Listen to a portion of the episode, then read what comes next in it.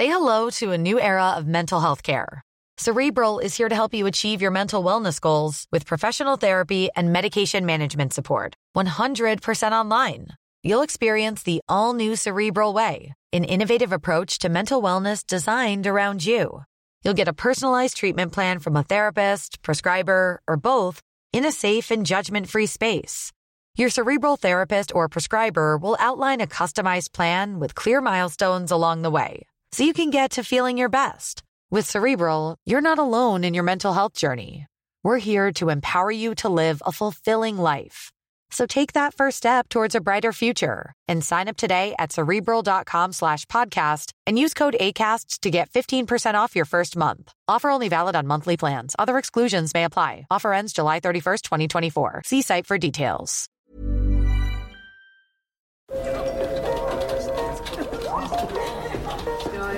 Dette er lyden av norsk næringsliv.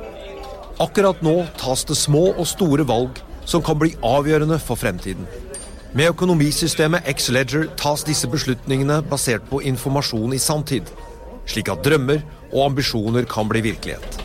Få kontroll og oversikt. Gå inn på xledger.no.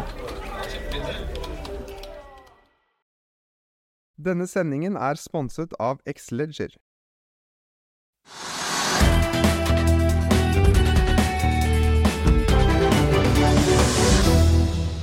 and En riktig god og får vi si, snefylt onsdag, for mens kalenderen viser 4. januar, så viser værmeldingen at det skal lave ned over store deler av landet i dag. og Da passer det vel bra å snakke om de kanskje litt overraskende lune og varme boligprisene. Vi får straks besøk av sjeføkonom Sissel Monsvold i Obos.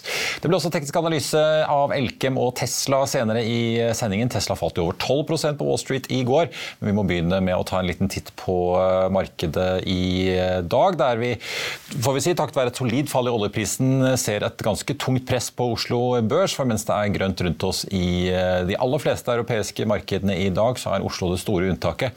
Hovedindeksen nå like etter lunsj ligger ned en drøy prosent. Equinor faller over 3 etter gårsdagens fall på nesten 6 og Aker BP også ned 2,6% Vi ser hvor Energi ligger ned et eh, par prosent i eh, også. Nordsjøoljen ned 3% til så vidt under 80 dollar fatet i dag i spotmarkedet i hvert fall. Og slutter den under 80 80 dollar senere i dag, så er det da første gang siden 20. desember at vi har sett en sluttkurs under 80. Den amerikanske lettoljen VTI ligger på 74,92. Futuresene på Wall Street peker oppover etter den nedgangen vi så i går, som altså var årets første børsdag i USA.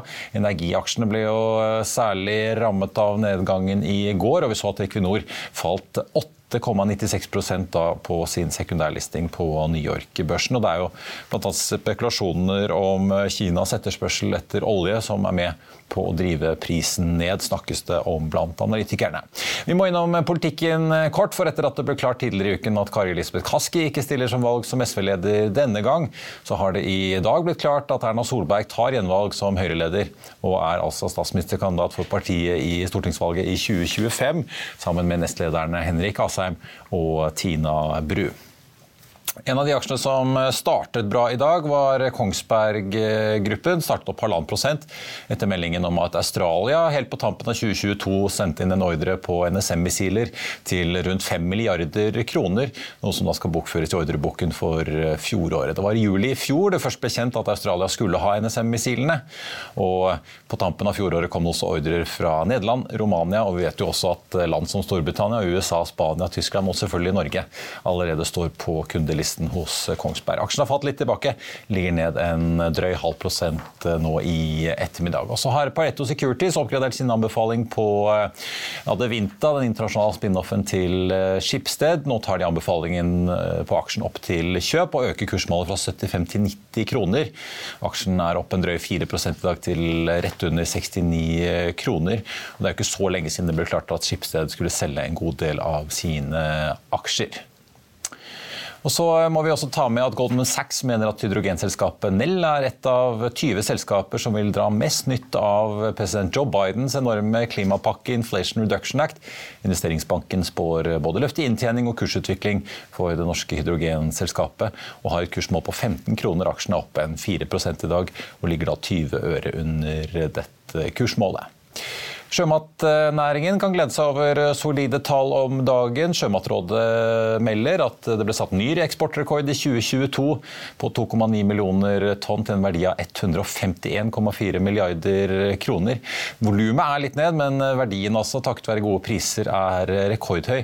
Og økningen er på 30,7 milliarder fra 2021, som også var et Eh, rekordår.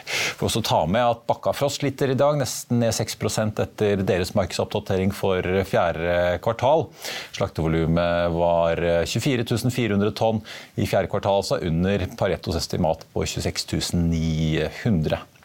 Aksjen er altså ganske mye ned i dag. Vil du bli oppdatert på det viktigste som har skjedd innen finans og næringsliv? Da er det bare å følge med, for hver morgen er jeg, Marius Lorentzen og aksjekommentator Karl Johan Malnes på plass i studio for å ta tempen på dagens marked i Børsmorgen. Og hver ettermiddag oppsummerer vi alt du trenger å vite i økonominyhetene, og det blir selvfølgelig masse interessante gjester. Klikk deg inn på fa.no-tv, eller søk opp Børsmorgen og Økonominyhetene der du hører på podkast.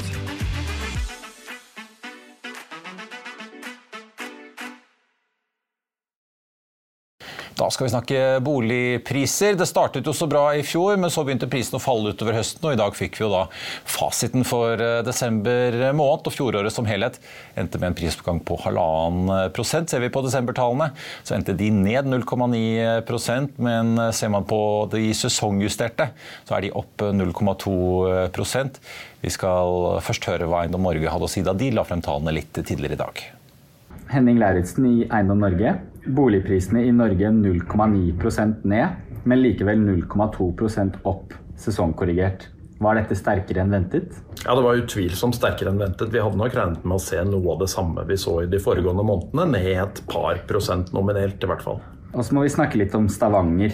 For her sank prisene med 2,9% nå i desember. Men samtidig så er tolvmånedersveksten på 3,7% som er en god del sterkere enn de nasjonale tallene. Hva er det som har skjedd her? Stavanger er, det, er, preget av en veldig sterk eh, aktivitet i næringslivet. og Det er nok noe av det vi har sett. Samtidig så har prisene også vært på et veldig lavt nivå. og Det gjør at det er en slags gjeninnhenting som skjer i Stavanger, sånn vi ser det. Kan du fortelle litt om forventningene for boligprisene nasjonalt fremover, både i januar og for 2023 som helhet? Ja, Det kan jeg gjøre. Boligprisene i januar pleier å stige kraftig. Eh, vi tror de kommer til å være på plussiden, men vi tror det kommer til å være betydelig svakere enn det vi har sett normalt.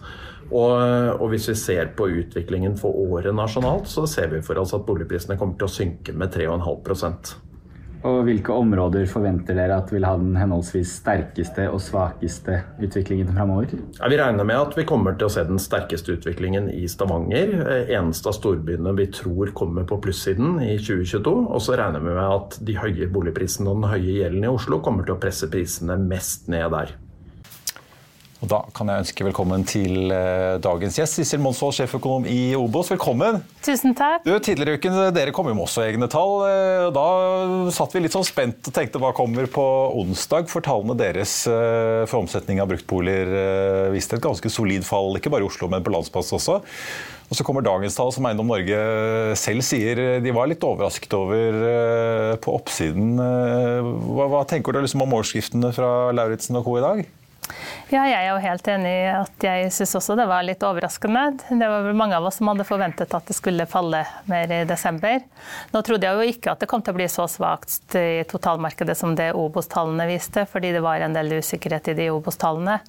Men dette ble bedre enn jeg hadde forventet. Ja, for ta litt, for Jeg husker du skrev i meldingen dere kom med tidligere i uken at eh, prisene pleier å falle i desember i utgangspunktet, men det falt mye mer enn det dere har sett tidligere år i snitt, hvert fall hvis du ser på Obo-statistikken? Eh, det stemmer. Og det var veldig få omsetninger i desember i år i Oslo av Obos-boliger. Og færre enn det faktisk pleier å være. Det pleier jo å være få omsetninger i desember, men nå må det være ekstra få omsetninger i år. Og dermed så jo også, må jo tallene også tolkes med mye større varsomhet. Ja. Eh, så jeg har ikke noen veldig god forklaring på hvorfor det ble så stort sprik da, som, som dette. Men eh, ja, sånn ble det. Men Obos-tallene de viser eh, bra sammenheng mellom eh, totalmarkedet i, Oslo og, og, og ja, da våre tall eh, sånn over tid, men vi kan få litt mer tilfeldige utslag på våre tall. Ja, ja for det, dere så utover høsten prisfall i november, prisfall i desember, også på landsbasis, så det var ikke bare i Oslo. Men hvordan er utviklingen i Oslo sammenlignet med resten av landet, sånn som dere ser det? Det er jo, Vi forventer jo nå, og ser jo også litt at Oslo er, gjør det litt svakere enn noen av de andre byene nå. Mm. Og det er jo ikke så uventa, fordi Eh, gjeldsnivået jo, og prisene i Oslo er jo høyere, og dermed så slår en renteoppgang ut mer ut her, kraftigere her i Oslo da, enn den gjør i en del andre byer. Du, nå så jeg DB Markets var ute med og skrev at de hadde da ventet et uh, sesongjustert fall i desember på 1 Norges Bank ventet uh, et fall på 0,8, så ender vi opp da 0,2. Så skriver de at uh, bane kanskje vei, eller støtter i hvert fall opp om nok en renteøkning fra Norges Bank. Nå er det jo rentemøte 19.1, et mellommøte. Mm. Og så kommer jo da neste store rentemøte i mars. Hvordan tror du Norge Norges Bank eh, leser den utviklingen? Eh, hvis vi, en ting er jo desembertallene, hvis vi ser litt større på hva som har skjedd det siste halvåret i boligmarkedet? Mm. Ja, jeg tror jo også akkurat disse tallene for desember. Da. Nå kan det, jo, på en måte, det er jo én observasjon her. Så, uh, så, det er jo litt, litt, vanskelig å vite hva de tenker rundt det. Men det er klart at hvis det trekker i en retning, så trekker det jo i retning av at renten kan bli satt opp igjen. At vi kan få gå fra 2,75 til 3 ja. Men det er jo veldig mange andre usikkerhetsfaktorer Eh, og som regionalt nettverk har pekt på, bl.a. som Norges Bank, eh, der de spør bedriftene om hva de tror fremover, så viser jo det ganske mye svak utvikling. Slik at eh, ja, jeg vil tro de er litt sånn dilemma i Norges Bank, helt hva de skal gjøre, men Ja, De sitter litt og vipper fra Ja, jeg tror nok at de er litt spent på og, og usikre på hvor mye slår renta ut, da. Fordi det er jo klart at vi har jo mye mer gjeld enn vi noen gang har hatt og man bruker nå en mye høyere andel av inntekter etter skatt til å betjene renter og avdrag. Så at, rente, at de renteøkningene vil jo slå. Vi har jo ikke sett den fulle effekten av dette ennå. Da må vi jo kanskje helt Ja, kommer det jo nå enten en renteoppgang i januar eller i mars, så vil vi på en måte ikke se den effekten av det før i andre kvartal. Etter, ja, da er vi gått etter påske med ja, er vi, ja, det er vi. Så da vil vi på en måte ikke se en effekt av det før, full effekt før ja, ut i, mot sommeren, da, egentlig. Ja. Mm. Uh, en ting er jo prisutviklingen, det andre er jo volumene. Nå så jeg at uh, volumutviklingen, i hvert fall fra Eiendom, Eiendom Norges um, statistikk, viste at omsetningen var ned 3000 eh, enheter mot desember i, i året før. 25 ganske mye ned. For hele 2022 så var det ned ca. 10 mm eh, Hvor mye på en måte påvirker det statistikken? Er det Skjules en del av utviklingen fordi folk vegrer seg for å selge eller utsetter å kjøpe og selge? Ja, det kan jo være noen. Jeg tror jo en del sitter på gjerdet nå og mm. venter litt på hva de skal gjøre. Men så vil jeg jo også si at når vi sammenligner oss med veldig to spesielle år nå under pandemien, ja så jeg tror jo på en måte at med en renteoppgang og det som nå skjer, så skal vi på en måte ha tilbake til mer normalisering, og da er vi tilbake til litt disse åra før. Dette er lyden av norsk næringsliv. Akkurat nå tas det små og store valg som kan bli avgjørende for fremtiden. Med økonomisystemet X-Leger tas disse beslutningene basert på informasjon i sanntid, slik at drømmer og ambisjoner kan bli virkelighet. Få kontroll og oversikt. Gå inn på xledger.no. Denne episoden er sponset av van Brun, en fremtredende smykkeforhandler kjent for sitt brede utvalg av forlovelsesringer, gifteringer og diamantsmykker som bæres og elskes i generasjoner. Et frieri er en av de største øyeblikkene i livet, hvor forlovelsesringen er et tidløst symbol på kjærligheten. Valg av ring krever omtanke for både hvilket metall og diamant. Med et bredt spekter av både naturlige og labdyrkede diamanter og metaller som platina, gult gull, hvitt gull og roségull hjelper de deg med å sette et personlig preg på din kjærlighetshistorie. Van Brun vil gjerne invitere deg til å prøve på tre av dine favorittringer fra nettsiden helt kostnadsfritt. Du kan også låne et bredt spekter av frieriringer, slik at du og din forlovede kan velge en ring sammen etter det store ja. Van Brun tilbyr 90 dagers åpent kjøp og 90 dagers gratis størrelsesjustering. Utforsk deres eksklusive sortiment i luksuriøse omgivelser Bok en konsultasjon sammen med en diamantekspert i deres showroom i Oslo. Eller online på vanbrun.com. V-a-n-b-r-u-u-n.com. før pandemien. Og det ser vi vel liksom, liksom ganske tydelig på de omsetningstallene og nå hvor mange boliger som ligger usolgt osv. At vi, vi, liksom, vi går tilbake til en mer normal som vi hadde før pandemien. Ja. ja til 2018-2019. At vi ligger mer der. Ja, for Hvordan så det ut i forhold til nå? For nå endte vi på en 91 000 solgte eller omsatte boliger i Ja, det ser som uh, det, eller hva, hva, hva, vil du kalle normalen? Ja, det var ja, Nå husker jeg ikke helt de tallene, men i hvert fall det ligger jo lavere enn det vi hadde i 2020 og 2021, som var spesielle år.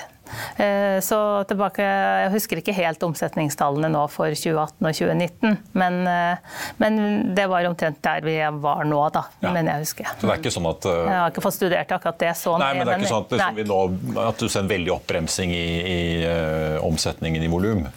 Sånn historisk? Nei. Ser, liksom, Nei, ikke sånn historisk, så er det ikke det.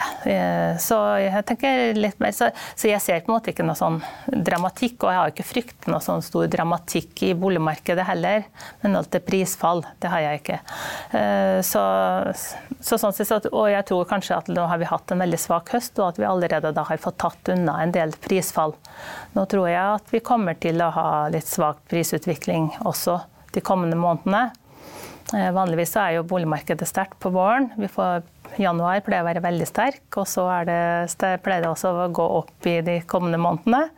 Eh, nå tror jeg også vi får en prisoppgang i, i januar i år, nominelt, men den vil være svakere enn den vanligvis er. Ja, for Inflasjonen spiser jo også nå ligger vel konsumprisindeksen på en 6,5 så får vi se hva den ender på i desember. Men uh, ja, det er, da er det jo ikke noe realprisoppgang i boligmarkedet? Nei, det er det ikke. Selv om vi hadde halvannen prosent i fjor? Nei. Nei. det er det ikke. Så det stemmer. Realprisen er ned. Men uh, jeg ser på en måte ikke det som noen sånn stor dramatikk. Jeg tenker Nå er det på en måte viktig, nå må bare boligprisene justere seg inn etter det økte rentenivået. Så det etablerer seg på et nytt nivå så tror jeg på en måte at da vil vi få en stabilisering. Og jeg ser for meg en stabilisering i prisene sånn mot uh, sommeren, og at vi får en ganske normal høst. Men kan det bli, gitt det vi snakket om med timingen med disse renteøkningene, gitt at vi da kanskje må vente helt over påske og nærmere sommerferien før folk eh, på en måte har fått, eh, eller banken har fått kvittert ut mot kundene alle renteøkningene, kan det tradisjonelle vårslippet bli litt annerledes? At det først vil være fra sommeren og utover at vi kan begynne å si at folk tør å kjøpe og selge? og ja, Det kan jo bli litt eh, roligere enn det vi er vant til, ja det tror jeg. Men nå tror jeg også at vi fikk litt drahjelp av at man får en lemping på den utlånsforskriften. Vi fikk jo nå noen eh, Det trådte i kraft fra Ja, det trådte i kraft nå fra 1.1, så det tror jeg på en måte også nå kanskje kan være med på i hvert fall å dempe et prisfall, da. Ja. Mm. Tør du å spå noe for 2023, eh, summa summarum, når vi vet fasiten for 2022? Eh, ja, nå tippa jeg 3 eh, som skulle være for 2022, så jeg så nå med det 1,5 da, og 1,8 i Oslo, så jeg synes jeg traff ganske bra, syns jeg. Ja, det er ikke så gærent, det. Nei, ikke så gærent. For 2023 så har jeg vi anslått at kanskje vil vi at prisene i desember 2023 de er 2% lavere enn de var i desember 2022. Ja. Så sånn relativt ganske flatt, vil jeg si da. At vi ender opp der. Ikke så gærent. Eh, skal vi snakke litt om de geografiske forskjellene i markedet? for I ganske mange år nå så har i hvert fall Stavanger og en del av Sør-Vestlandet skilt seg litt ut fordi at de har vært mer i takt med oljen enn eh, andre ting. så Det virker som det går ganske bra nå om dagen, men det har vært noen magre år tidligere. Jeg Så nå i hvert fall for 2022 så var det faktisk Kristiansand som hadde best prisutvikling i landet med 5% opp. Trondheim 1,4, Bergen en halv likevel. Og Stavanger 3,7. da. Mm. Hvordan tror du liksom det vil spille seg utover nå videre i året? Vil skillet bli enda større fordi det går så bra i oljen? Mhm. Ja, jeg har jo tenkt at eh, Stavanger kommer til å klare seg kanskje best av de norske byene i året som kommer. Og det har jo også med at Eh, at prisene i Stavanger har jo nå falt til et veldig lavt nivå, egentlig. Da, at de ligger vel bare på litt over 40 000 for kvadratmeteren. Mm. Og det er jo det, halvparten av i Oslo f.eks. Og de er jo faktisk også litt, mye, litt lavere. På, ja. Ja, så de har en del å stige på, og da med økt aktivitet innen oljen, kanskje økt tilflytting, litt bedre inntektsutvikling, så tror jeg på en måte at Stavanger-området kan klare seg litt bedre. Mens Oslo f.eks. vil kunne da få litt svakere prisutvikling på kort sikt. Men når vi kommer til 2024, så tror jeg at Oslo kan dra ifra etter hvert igjen. Da. Og det har med at det bygges veldig lite boliger i, i Oslo. Ja. Og Da går vi fra å tenke Ja. på renten til de mer strukturelle tingene. Ja, det er, det. Ja. det er jo et stort underliggende boligbehov hele tiden. Så, så det, vi trenger å bygge boliger, og nå er det jo en fare for at eh, boligbyggingen blir veldig lav. Og Ja. i Oslo ser vi jo klare tegn til det, og det har jo vært bygget for lite over tid også. Eh, Så, da kom jo konkurrenten deres i Selvåg eh, ut med sine tall for fjerde kvartal eh, på altså nybolig, salg og igangsetting. Ganske kraftig ned fra tilsvarende periode året før. Da er det vel kanskje litt sånn pandemieffekter der òg. Det var liksom et, et fall på var det 80 eh, i, i salg og igangsetting, så vidt jeg husker. Eh, Hvordan ser det ut hos dere? Jeg vet jo at Daniel Sirai har også vært ganske åpen på at eh, kostnadene har økt veldig mye ved å bygge nytt. Eh, Mange av bransjene er kanskje usikre på om det blir som en resesjon og veldig oppstramming. Ja, nei, det er jo kjølig er liksom nybyggmarkedet nå, egentlig? Ja, det er ganske tøft i nyboligmarkedet nå. Samtidig så har man vel hatt inntrykk av at det er, jo på en måte interesse, men folk sitter litt på gjerdet, er litt avventende, er usikre på hva som skjer. Og en sånn usikkerhet rammer jo særlig nyboligmarkedet raskt og hardt. Eh, Det er jo klart at det er jo langt tidsspenn her. Fra du på en måte kjøper og til en bolig er ferdig. og Du sitter og lurer litt på hva er det som skjer på disse to årene. Hva skjer i arbeidsmarkedet, hva skjer med boligprisene, hva får jeg for boligen min når jeg skal selge den jeg har og skal ta over den nye boligen. Så det er en del usikkerhet som treffer nyboligmarkedet, da. Eh, Men det er jo det er klart at det lave salget som er nå, det, og de høye byggekostnadene, høyere byggelånsrenter, høye strømpriser, alt dette er jo på en måte med på å dra ned igangsettingen. Ja. Og det er jo veldig uheldig. Nå, ja, Prognosesenteret anslår vel at vi trenger liksom 29 500 boliger i året. Og nå har det jo kommet ned på ca. 25 000. Og med en sterk befolkningsvekst som vi har nå, med stor tilflytting fra Ukraina bl.a., sånn, så vil vi jo trenge mange boliger framover. Eh, Så dette er jo bekymringsfullt, mener jeg. Det er jo det som er det bekymringsfulle, at vi nå ikke klarer å bygge nok boliger. Ja, og Boligbygging er jo en viktig driver i økonomien nå.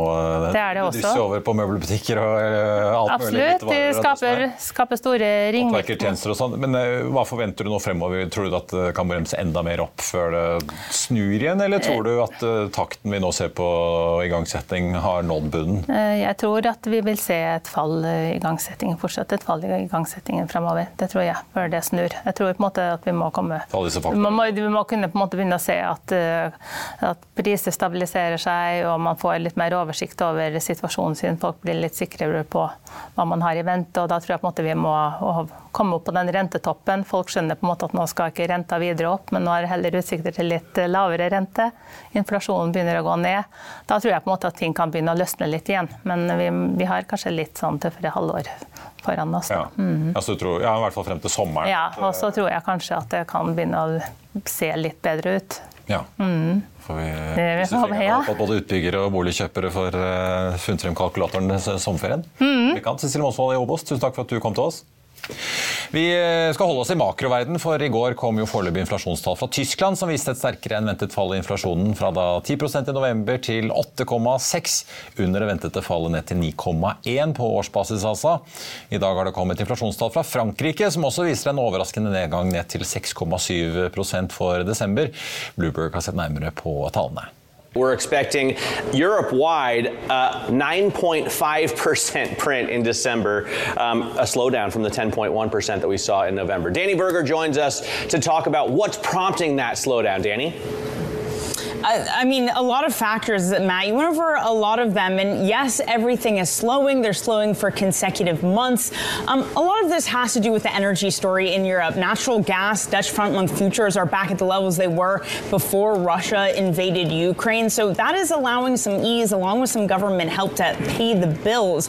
But I will say there's just so much caution around this idea that this is enough to have the ECB back off. Even in recent days, we keep hearing from policymaker after policymaker saying that we are worried inflation expectations are getting entrenched. Nago, for example, saying that, look, one piece of data does not make a trend. We need to be aggressive. We need to be forceful. So, sure, these figures are lower, again, partially thanks to energy, but that picture's uncertain, as are things like labor unrest that can add to the inflation fuel.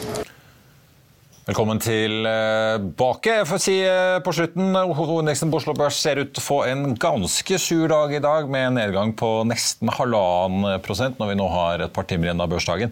Eh, drives jo veldig tungt ned av eh, mange av de store aksjene. Equinor ned ja, ca. 4 Aker BP 3,3 og Norsk Hydro ned nesten 5 da, på listen over de mest omsatte aksjene.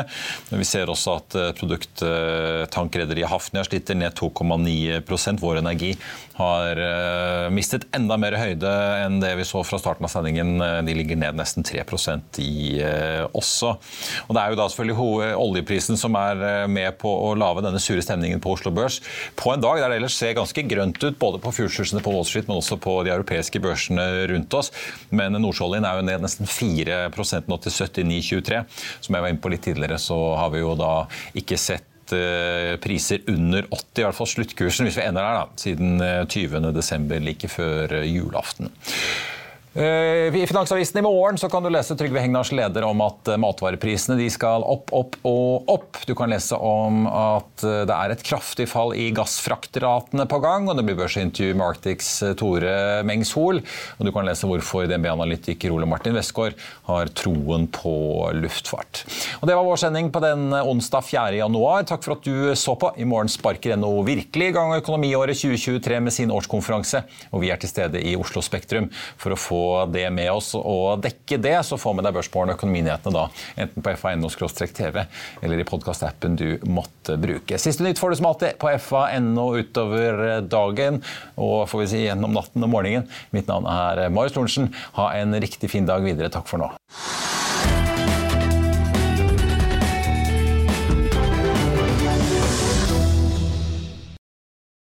Denne sendingen er sponset av Xleger. Økonominyhetene er en podkast og videoproduksjon fra Finansavisen. Programleder er Marius Lorentzen. Aksjekommentator er Karl Johan Molnes. Produsent er Bashar Johar. Podkast- og videoansvarlig er Marius Mørk Larsen. Og ansvarlig redaktør er Trygve Hegnar.